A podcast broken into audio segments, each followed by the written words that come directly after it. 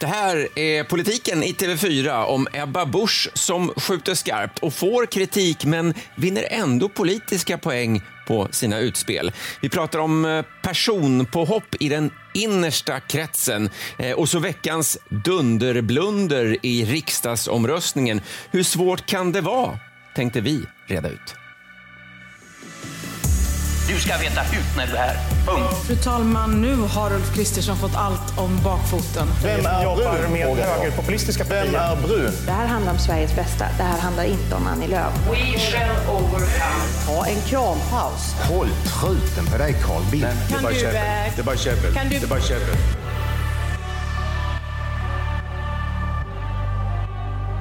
Inte bara käbbel med våra två Kommentatorer som har laddat eh, rejält. Ulf Kristoffersson, Ann Tiberg vid min sida. Jag heter Johan Macéus. Kul att ni lyssnar eller tittar på vår podd. Vi tänkte börja här idag med eh, de politiska efterdyningarna efter påskhelgens eh, uppmärksammade upplopp och kravaller som nu också statsminister Magdalena Andersson kommenterat. Och det lät som kritik mot den egna regeringen. Så här sa hon.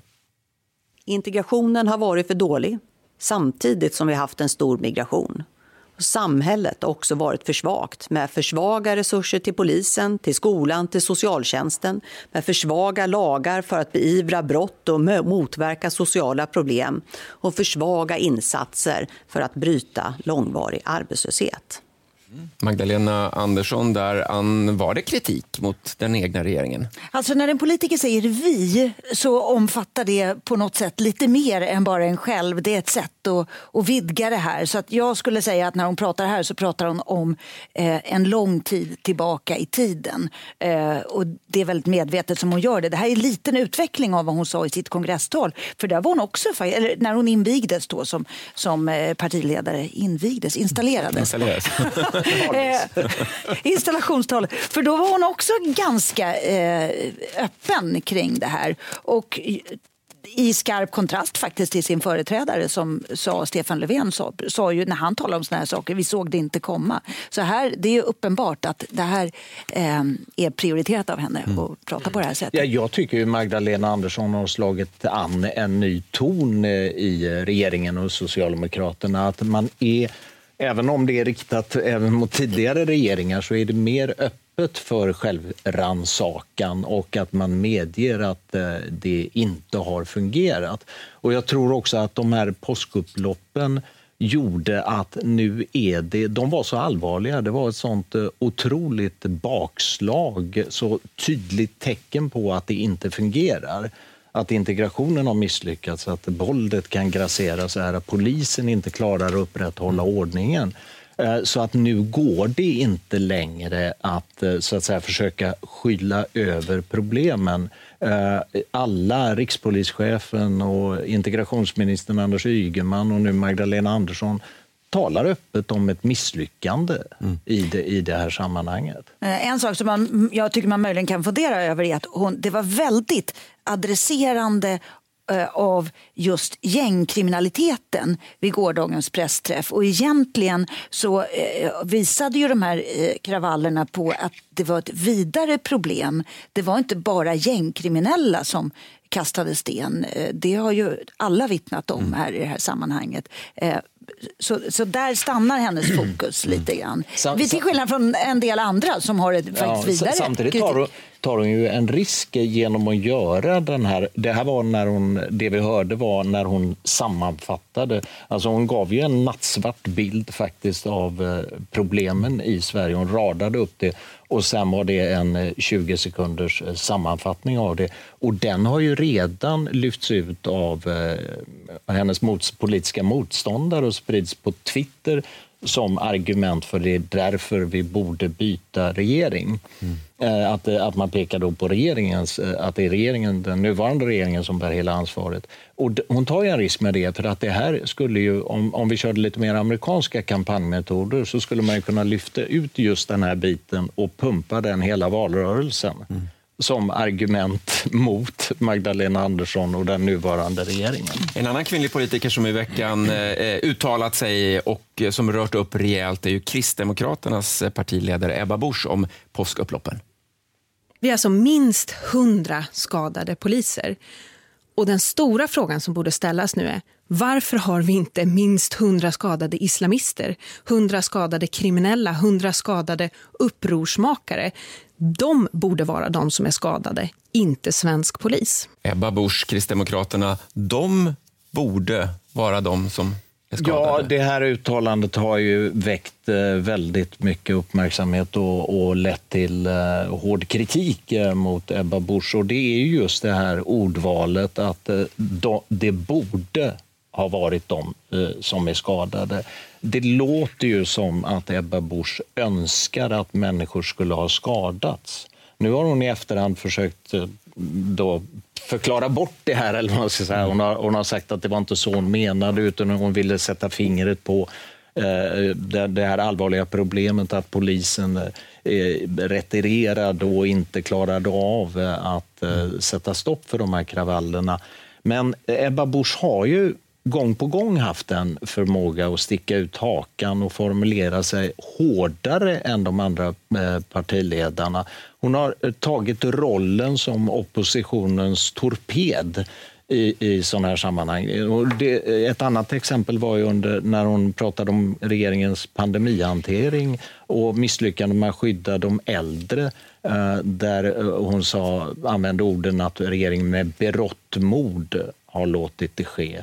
Och Det har varit flera sådana exempel. Så Det upprepas ju gång på gång att Ebba Busch liksom är hårdare än alla andra. Så det hon sa i lördags, eh, lördag, Ekots lördagsintervju som vi hörde här, eh, hon får kritik men hon vinner samtidigt då på det? Ja, alltså, jag tror inte att det missgynnar henne i de väljargrupper som hon är intresserad av och de andra väljarna tror jag att hon bedömer att hon har kvar ändå i kraft av att det är Eh, det är hyggligt framgångsrikt. Så det, det, men frågan är hur länge den där eh, uträkningen håller. Och, och, jag ska säga att jag tycker att det är lite dubbla signaler här som de sänder. För å ena sidan så är hennes medarbetare fullt upptagna med att försöka med någon sorts damage control och ringer till redaktioner och säger att, att det här var, eh, det, det var fulklippt och sånt där. Eh, för att man hade satt ihop olika delar i ett, i ett nyhetsinslag och, och det, så händer ju, det händer ju jämt. Eh, och sen å andra sidan så står hon fast vid det här. Så att det, det är en sorts dubbelhet här som jag tycker är eh, lite... Eh, ja, jag tror att de vill få de här... De, hon vill ta hem den här poängen. Hon har ju backats upp av eh, Ulf Kristersson, Johan Forsell Uh, andra, Jimmy Åkesson, uh, andra på, uh, på, den kanten och som säger att de håll, håller med henne i stort sett, även om de kanske inte skulle formulera sig så själva. Men jag vet ju också att det finns den motsatta reaktionen att inom Moderaterna framför allt så, så eh, upplever man att det här är olyckligt för att det flyttar fokus. Man hade då så att säga öppet mål på regeringen och på justitieminister Morgan Johansson. Det var bäddat för att fortsätta kritisera vad regeringen har gjort, att regeringen inte har lyckats bättre. Och sen flyttades fokus till vad Ebba Busch har sagt Mm. Och Det där är superintressant, för det fanns ju någon sorts vakuum efter det här som, som ofta sker. De här eh, kravallerna äger rum under en lång helg och folk hade verkligen tagit ledigt. Politikerna var så trötta så att de hade liksom stängt av sina telefoner närmast. Och så inträffar det här och då tog det några dagar innan så att säga, de, ni vet Morgan Johansson var inte anträffbar. Regeringen har ju tagit en vecka på sig innan de har haft den här pressträffen. Så det fanns ju liksom ett, ett fritt fält för opposition att göra ganska dramatiska utspel. Och då blev det lite, eh, mm. jag kan förstå den här reaktionen, för det blev lite så här, Jimmy Åkesson kom med, efter några dagar med en lång lista på inte särskilt genomarbetade åtgärder. Eh, kollektiv bestraffning fanns med, att man skulle kunna eh, dra in sociala rättigheter för en hel familj. Där, ja. det var massor med punkter. Ja. Och, och de, var, de var, blev ganska snabbt kraftigt kraftigt ifrågasatt. Och sen kom Ebba Busch Thor och det fanns ingen samling i det här egentligen. Så det tror jag också, man kan nej, förstå nej, att det fanns en viss oro. Jag, jag, tror att det kan gynna Ebba Busch möjligen då, att hon mm. får väldigt mycket uppmärksamhet och hon sätter sitt parti i fokus. Men eh, oppositionen som helhet och det blocket som helhet där kan det vara ett problem att det flyttar fokus och att det handlar om Ebba Busch istället för att handla om regeringens tillkortakommande. Hon fick ju stöd av Jimmy Åkesson när, hon, eh, när Ebba Busch tillsammans med honom var i Karlskrona på ett eh, gemensamt framträdande. Eh, och det kom bilder som vi såg i Expressen, Ulf, som du reagerar på. Ja, det var, alltså, det var ju väldigt familjär stämning mellan Ebba Busch och Jimmy Åkesson enligt de här bilderna. De, de är inne och de skämtar med varann och, och Ebba Busch eh, storgarvar åt skämt eh, som Jimmy Åkesson eh, drar då. Och de kramas och så vidare. Och det, är intrycket från det här reportaget i Expressen blir ju att Ebba Busch trivs bättre ihop med Jimmy Åkesson än med någon annan partiledare. De verkar ha det väldigt kul ihop. Eh, De framstår nästan som eh, den här, det här nya blockets radarpar, Jo. de två tillsammans. Och det där kan man verkligen sätta- sätta ett frågetecken kring var, vad syftet var med det. Därför att eh, normalt sett så gör man ju den här typen av, av framträdanden tillsammans för att man vill signalera någonting som handlar om att vi ska regera tillsammans eller vi, vi är ett radarpar. här var det ju äldreomsorgen man ville Ja. sätta fokus på. Det, det, där är ju eh, Sverigedemokraterna och Kristdemokraterna båda väldigt mycket på hugget.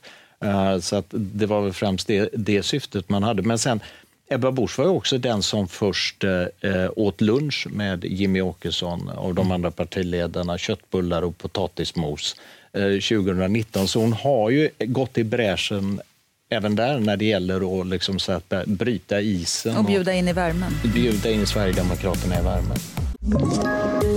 Poddtips från Podplay. I podden Något Kaiko garanterar östgötarna Brutti och jag, Davva, dig en stor dos skratt. Där följer jag pladask för köttätandet igen. Man är lite som en jävla vampyr. Man har fått lite blodsmak och då måste man ha mer. Udda spaningar, fängslande anekdoter och en och annan arg rant. Jag måste ha mitt kaffe på morgonen för annars är jag ingen trevlig människa. Då är du ingen trevlig människa, punkt. Något Kaiko, hör du på Podplay. Därför är Det här är inte bara käbbel, politiken i TV4 nu om en bok som kom ut i veckan eh, och som innehöll en del spännande saker, både allvarliga eh, och kanske lite mindre allvarliga. En berättelse inifrån Moderaterna av Moa Berglöf som var med efter fem i veckan och sa så här om vad hon ville förmedla. framförallt då närmandet till Sverigedemokraterna, eller närmandet, nu är man ju, sitter man ihop nästan med dem. Ehm, det hade jag inte kunnat se framför mig. Eh, det är ju sånt liksom, totalt skilt parti från Moderaterna, både ekonomiskt, alltså, i den ekonomiska politiken, eh, men också då i människosynen. Så. Ehm, sen tycker jag ju också att de har blivit mycket mer så att de ska hela tiden liksom följa en, en opinion som är ganska mörk. Det är liksom brottslighet och invandring och sånt som man liksom spelar på. Mm. Moa Berglöf, eh, aktuell med en bok. Eh, spännande inifrån ett parti. Eh, vad, vad säger du om, om det hon analyserar och det hon vill förmedla i boken? Ja, för det är inifrån ett parti i stark förändring. Hon var talskrivare åt Fredrik Reinfeldt. Eh, Hon var med eh, med, när han skrev det, här, det skrevs det här talet Öppna era hjärtan. Hon står bakom det som ju var en, en eh, eh stark, det, det är stark symbolisk kraft i det här talet eftersom det hölls bara några dagar före valet 2014 och anses ha påverkat valresultatet i negativ riktning för Moderaterna.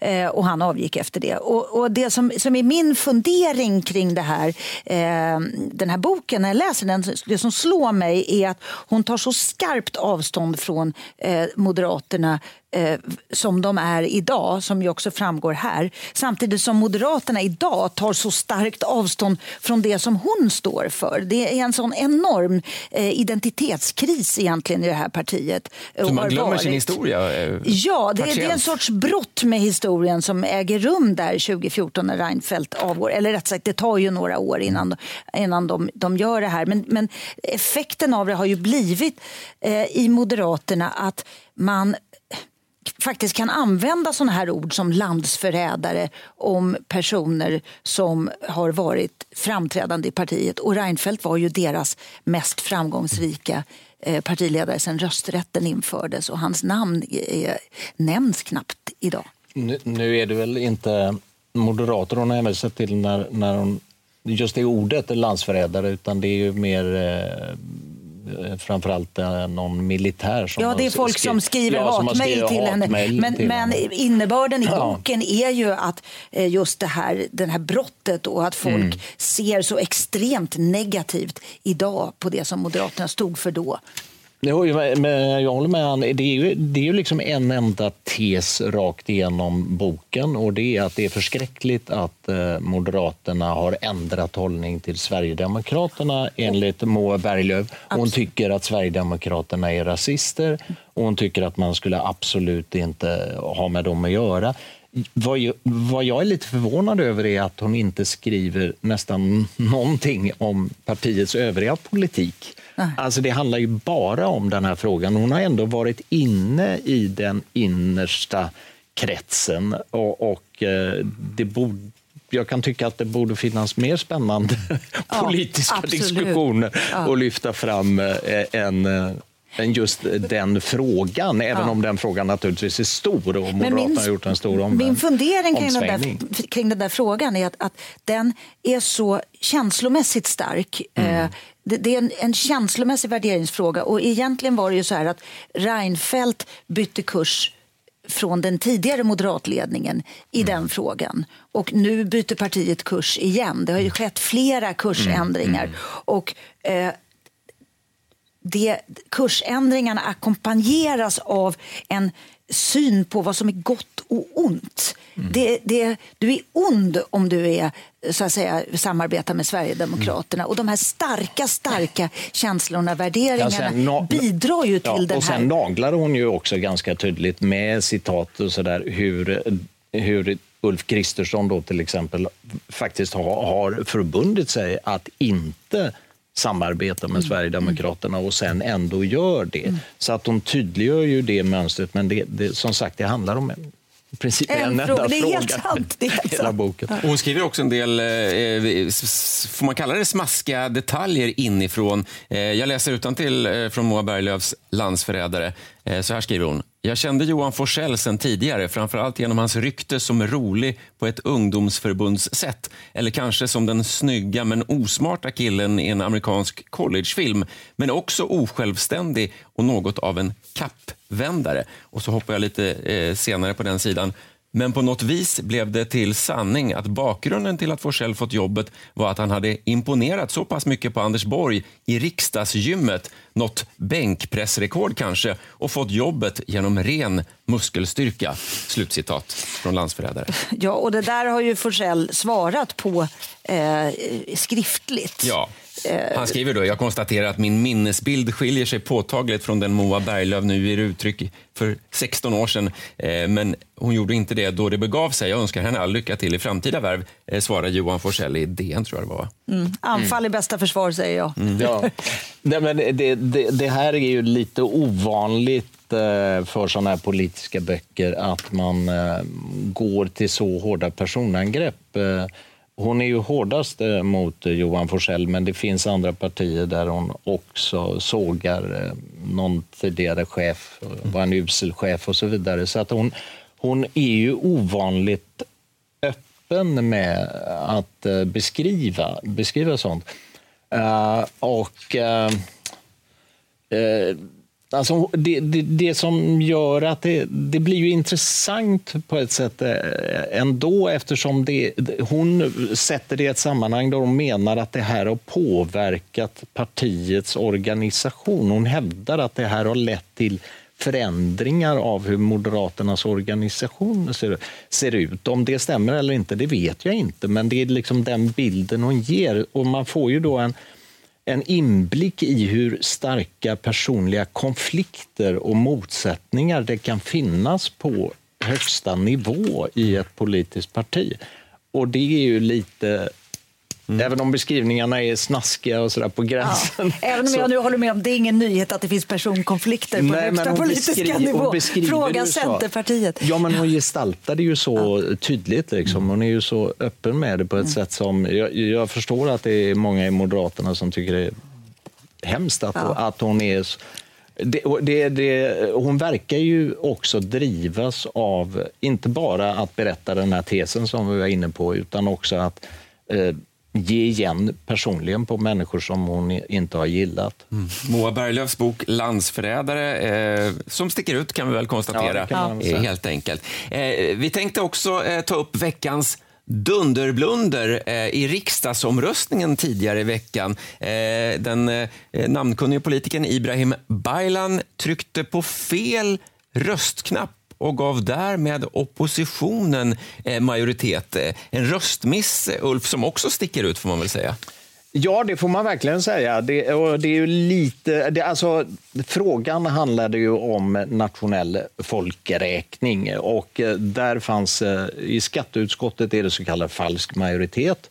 Alltså att eh, regeringens linje är inte den starkaste utan det är oppositionen. Då. Och där var det då hade det här förslaget om att man ska genomföra en nationell folkräkning hade vunnit i skatteutskottet, så det var utskottets förslag. Men sen i kammaren borde det inte ha gått igenom. Eh, Men i och med att Ibrahim Baylan då eh, tryckte på fel knapp och röstade ja till utskottets förslag om nationell folkräkning så vann det med minsta möjliga marginal. 141 mot 140. Och det är otroligt pinsamt naturligtvis för vi sökte ju Ibrahim Baylan. Ja, vi jobbade ju ihop. jobba ihop då. Men vi fick inte tag på honom. Eh, eh, Men eh, då- tänker man ju så här, hur svårt kan det vara egentligen? Det här är ju deras yrke, de ska trycka rätt Ja. vid sådana här omrös- omröstningar. Vi tänkte låta er lyssna och titta på hur det egentligen går till innan den här knappen ska tryckas. Så här eh, såg det ut eh, i riksdagen tidigare i veckan. Bifalls utskottet, bifalls reservation 34. Jag finner att kammaren har bifallit utskottet, men Rasmus Ling begär votering. Fastställande av voteringsproposition. Röstar ja för bifall till utskottets förslag i punkt 16, röstar nej för bifall till reservation 34 av Jörgen Hellman med flera S, C, V, MP. Godkänns voteringspropositionen? Svaret är ja. Klart för votering. Ja för utskottet, nej för reservation 34. Är voteringen avslutad? Svaret är ja. Jag som inte riktigt brukar lyssna på det här hänger inte riktigt med. Du, det tycker ni? Ju ni reservation 34, det är klart att man ska rösta ja till den. Här i Käbbelpodden sitter vi med två experter, men, och det borde ju ändå riksdagsledamöter vara experter, men det finns ju också en hjälp att få om man nu är osäker i en sån här omröstning. Ja, det här är ju väldigt roligt att titta på en omröstning för då sitter de här så kallade riktkarlarna det är personer som är utplacerade med jämna mellanrum som signalerar till de med samma partifärg hur de ska rösta. Och det finns tre signaler, tummen upp för ja, tummen ner för nej och ska man avstå då, ska man ha, då, då håller de huvud, eh, hand, ha, handflatan ovanför huvudet så här. Eh, och Så de här ifall tankarna sprang iväg och man inte riktigt hänger med, då får man stöd och hjälp där då helt enkelt. Det får man och, de, och det sitter ju flera stycken som gör de här. Eh, men då gäller det ju att de gör rätt.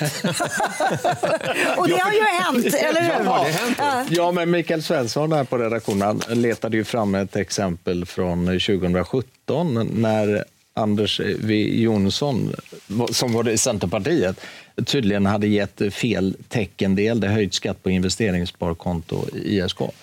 Och det ledde till att åtta av 17 närvarande centerpartister sa ja till regeringens förslag. Det är Lite värre än, äh, än Baylans Ja, det- blunder vi har hittat fler dunderblundrar. Ja. Min stora invändning här är att ordet riktkar är otroligt ålderdomligt. Mm. Jag tänker att, att det låter som någon som håller på att liksom stöta fram en kyrkbåt i Siljan eller någonting sånt, vilket ju kanske passar Anders Jonsson då. Men, han, som är ju han, dalkarl. han fick tydligen som straff ta med sig pepparkakor och skumtomtar.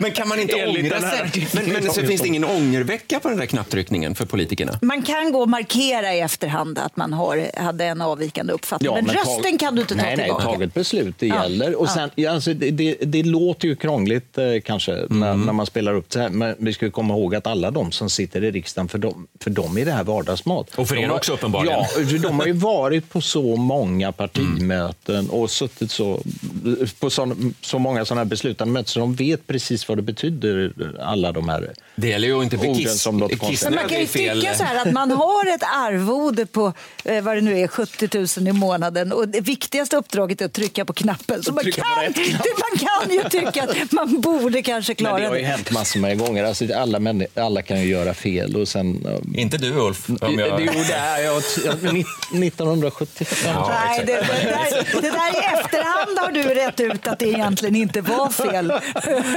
Nej, men sen kan man, jag, jag, jag vet, tog upp det att man kan ju vara frånvarande också. Det finns ju en del som har missat omröstningar också. Till Och så kan man gå på toabesök. Ja, det har också en, hänt, en vänsterpartist som, vi behöver inte nämna namnet, igen, som gick på toan när det var omröstning om talmannen. Vilket år var det? Ja, ibland har nöden Ja. ingen lag helt enkelt. 2010. Så kan det vara. Eh, Det är inte helt lätt. Eh, det blir ibland en liten blunder eh, och det hoppas man ju också att eh, den inblandade kan skratta åt så här i efterhand. Vi förlåter dem. Vi förlåter. Bara man får några skumtomtar så blir man ju nöjd. Det blir det. blir Det inte till er, skumt. fast ni har gjort bra ifrån er idag. Ann Tiberg, Ulf Kristoffersson, podden Inte bara käbbel, politiken i TV4, som du kan se på TV4 Play om du vill och du hör oss där poddar finns. Du kan också mejla till oss om du vill, inte bara käbbel, så tar du bort ä-prickarna, inte bara käbbel alltså, snabel tv4.se. Vi hörs och ses snart igen. Podplay. Ett poddtips från Podplay. I fallen jag aldrig glömmer djupdyker Hasse Aro i arbetet bakom några av Sveriges mest uppseendeväckande brottsutredningar. Går vi in med hemlig telefonavlyssning och, och då upplever vi att vi får en total förändring av hans beteende. Vad är det som händer nu? Vem är det som läcker? Och så säger han att jag är kriminell, jag har varit kriminell i hela mitt liv men att mörda ett barn, där går min gräns. Nya säsongen av Fallen jag aldrig glömmer på Podplay.